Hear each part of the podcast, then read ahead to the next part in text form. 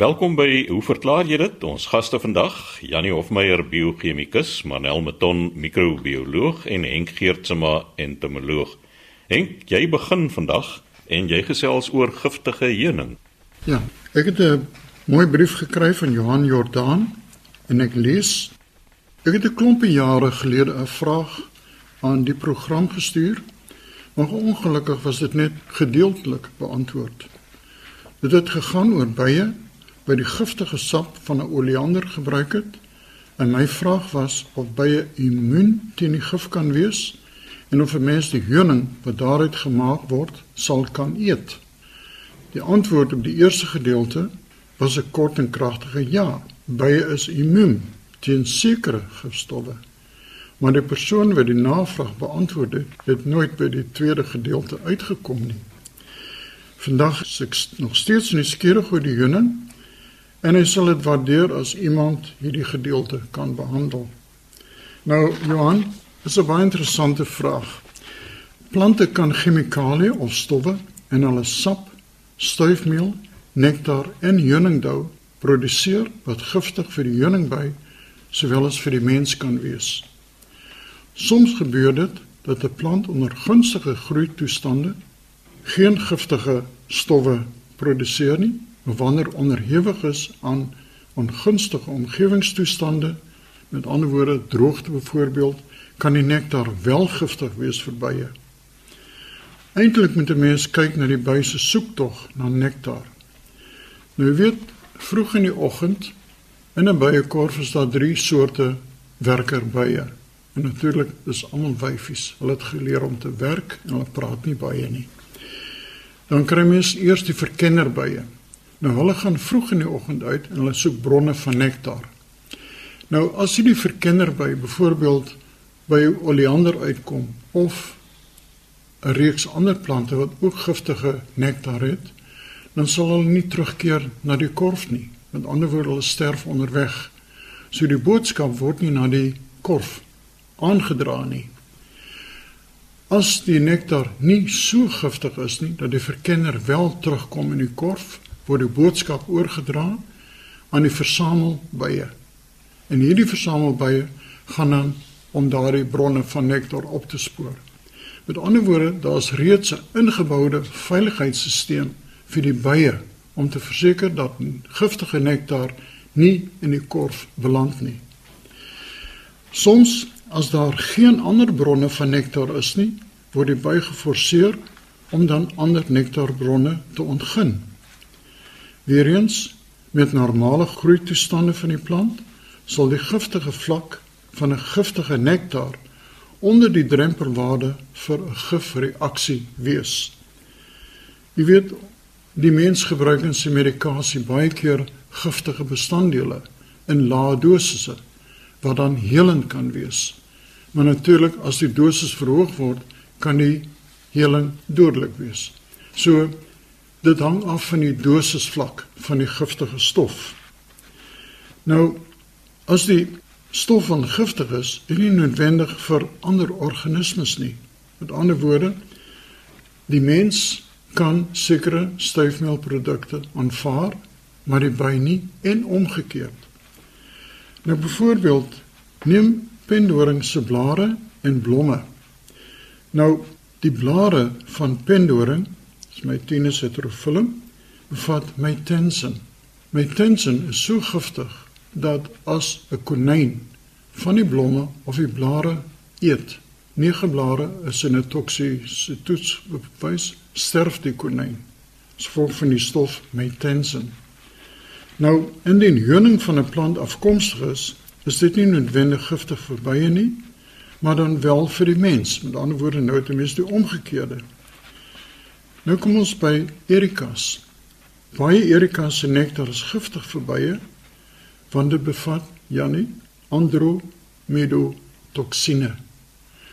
Nou, jy weet ek in die universiteit begin werk het, was daar 'n student, meneer McGillivray, wat gewerk het op die bestuiving deur insekte van Erikas. En uit belangstelling vra ek toe vir hom hoe vorder dit nou met die insekte en so. Want ek is baie lief vir die fynbos en ek's baie lief vir Erikas. En hy sê maar hy kry nie insekte in die dag op Erikas nie. Seker maar dis heeltemal reg. Want Erikas se nektar vloei is 70% vanaf skemer deur die nag.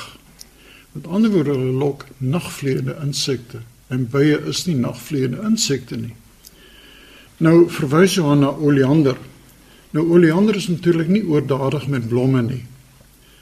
Dit lok wel bye, maar die bye is nie baie lief vir nektar van oleander nie en verkies ander. So dit kan wees dat van die nektar in die korf beland, maar dit word dan verdun met ander nektar. Sou die nektar dan giftig wees, soos ek sê, sal die bye die blom vermy en ons sal nie by die korf uitkom nie. So dit is wel waar die honing mag 'n smaak ontwikkel. Byvoorbeeld, ek het gepraat in die vorige week oor Melianthus. Die Melianthus word wel besoek deur bye en as Melianthus honing geproduseer word, kan 'n mens die honing uitken, veral hier van die Noord-Kaap. Die honing is donker en 'n donker honing is altyd 'n bietjie anders en hy het 'n smaak en die honing sal nie verkoop nie. So wat byboere doen is hulle vat die honing wat dan 'n smaak het verdun in water en voer dan die bye op die honing in die droogte tye van die jaar. So 'n mens sal ook vind dat die suiwerste, die lekkerste honing, byvoorbeeld sitrushoning, is helder. Helder honing is 'n baie goeie aanduider van gesonde honing. Byvoorbeeld die vlamboom Spitodia campanulata. As mens in Wellington staan hulle in die straat en so en ek dink Stellenbosch te koud vir hulle. Hulle nektar is giftig. Rhododendron. Nou rhododendron is natuurlik 'n redelike skaars plant hier in die Weskaap. In die botaniese tuin in Claremont staan daar een groot plant. Ek het destyds het ek uh, ruspertjies gekry uit Indië van 'n baie skaars mot en die mot se rus vervoed natuurlik op rhododendron en ek moes elke week Claremont toe ry om my van die blare te steel uit die botaniese tuin. Dan Hemiastrum, in die volksnaam bekend as Amaryllis. Sy nektar is giftig vir bye, so mense sal nie bye kry op die blomme nie. Ons ken natuurlik ouma rokkie, die solanasie. Baie tomatie, aardappel, tabakplante bevat atropine wat dan ook oorgedra word na die nektar en dit word vermy. Nou sal mense ook vind dat meeste ouma rokkies byvoorbeeld gee reuk af in die aand om insekte te lok, maar nie bye nie. So Johan, ek hoop ek het jou vraag beter beantwoord. En hierdie keer het ek die vraag, die tweede deel van jou vraag wel beantwoord. Baie dankie. Was 'n interessante aspek. Die giftige sap is natuurlik iets anderste. Daar's min bye wat eintlik sap gaan neem. As hulle die sap neem, is dit omdat die sap fermenteer. En dan het men natuurlik vorming van alkohol en so aan wat natuurlik weer bye kan dronk maak. En dit is nie glad so sleg idee nie. So sê Henk Geertsma en Temeloog. Marnel, jy het verlede week 'n vraag ontvang oor 'n vreeslike klomp fungi wat in 'n dame se tuin is, maar jy het toe nie kans gehad om te praat oor die legene wat ook daar voorkom nie. Ja, ek het laasweek 'n brief ontvang van Amori Wortman van Centurion en sy het geskryf oor die hele groot verskeidenheid van sampioene en rakswamme en so aan wat sy in haar tuin sien, veral onder die akkerbome. Maar toe het sy ook gesê dat nie net is daar die baie fungi nie, maar ook 'n verskeidenheid ligene op die boomstamme. Dit is eintlik baie mooi om te sien, maar sy het nog gewonder of sy bekommerd moet wees daaroor en en hoe hierdie fungi werk en so aan. So ja, ek het gedink ek sal dan nou hierdie keer verder praat oor die ligene. En soos wat jy nou wel sê, mens kry dit baie keer op jou bome, maar dit word ook dikwels gevind in harde droë omgewings soos op bar rotse of teen windgetuisterde boomstamme. Nou 'n legeen is eintlik 'n baie interessante, ek kan dit amper nie 'n organisme noem nie, want dit is nie net een organisme nie.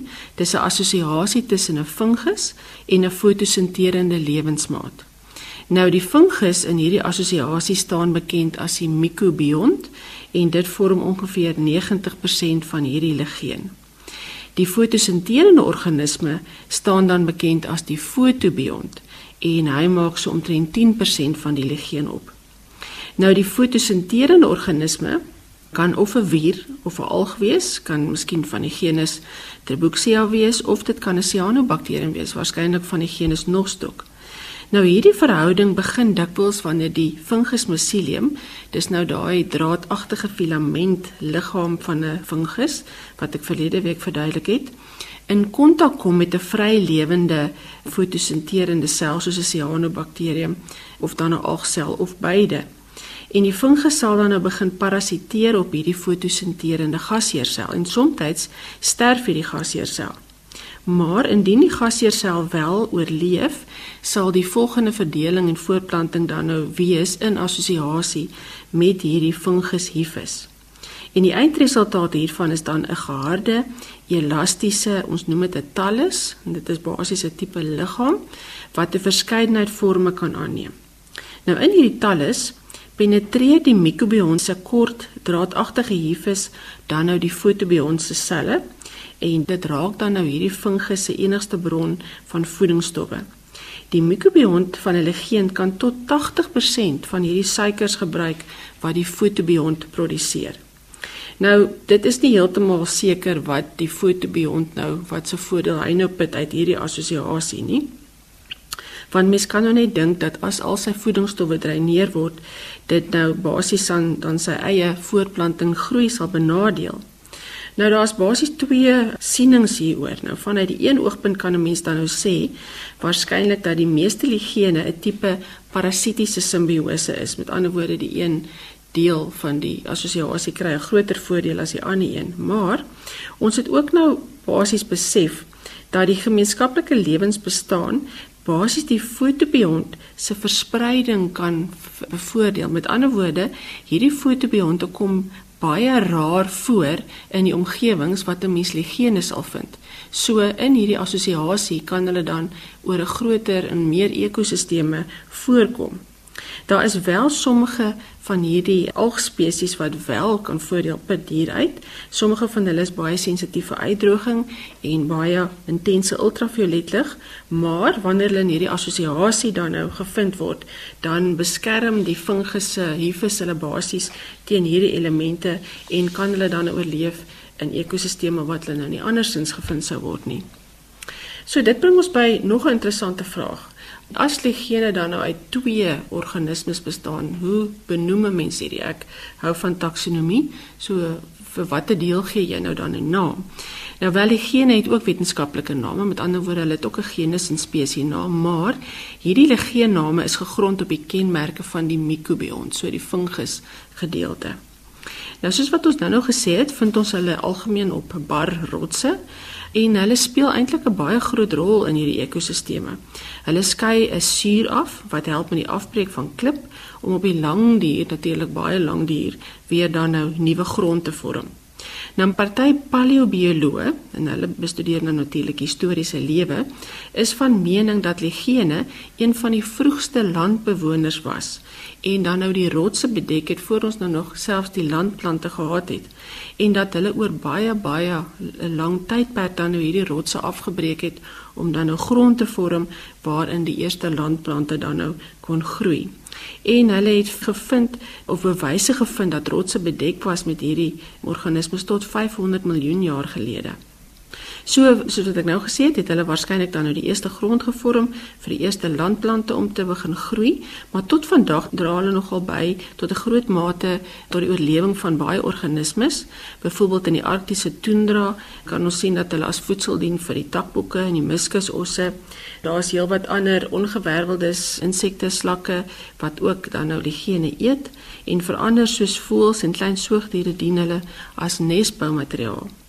Mense weer het al die gene gebruik as bron vir kleurstowwe en ook al as komponent vir kookkuns. Byvoorbeeld in die Indiese kookkuns gebruik ons dele daarvan as 'n tipe masala. Nou interessant genoeg word ligene deesdae gebruik deur omgewingswetenskaplikes as bio-indikatore om lugkwaliteit te monitor. Lugbesoedelstowwe soos byvoorbeeld swaweldioksied is bekend daarvoor om ligene te beskadig en dit benadeel hulle groei tot 'n groot mate. So byvoorbeeld bosserige ligene soos die sogenaamde baardligene van genus Usnea benodig baie skoon lug om te kan groei.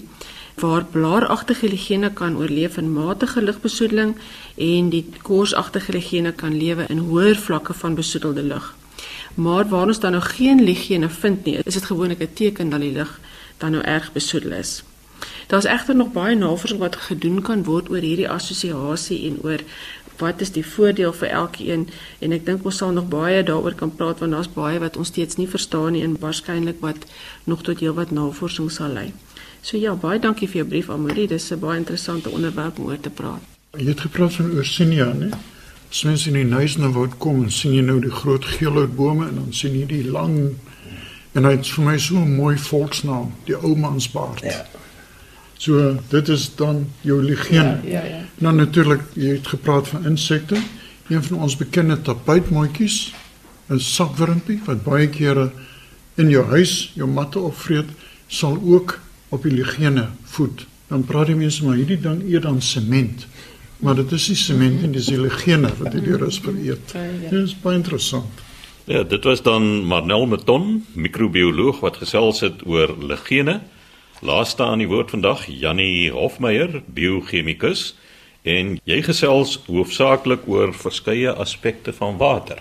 Ja, dankie Chris. Maar voor ek dit doen, wil ek nou 'n e-pos lees wat ons gekry het van Carol Pryor wat sê geagte span baie dankie vir nog 'n puik program en sy sê in verband met die stuk oor die blinde darm en ek het so onlangs daar vertel dat ons nou eintlik weet wat die blinde darm se funksie is so as 'n veilige hawe vir ons mikrobiota sê sy ek lees op die oomblik 'n fascinerende boek oor ons inwendige bakterieë en parasiete ensovoorts die outeur van die boek is Rob Dunn En die titel van die boek is The Wildlife of Our Bodies: Predators, Parasites and Partners That Shape Who We Are Today. En dit is in 2014 deur Harper uitgegee. Dit is 'n uitstekende boek. Ek het dit self al gelees en ek kan die luisteraars aanbeveel. Dit is 'n fascinerende storie.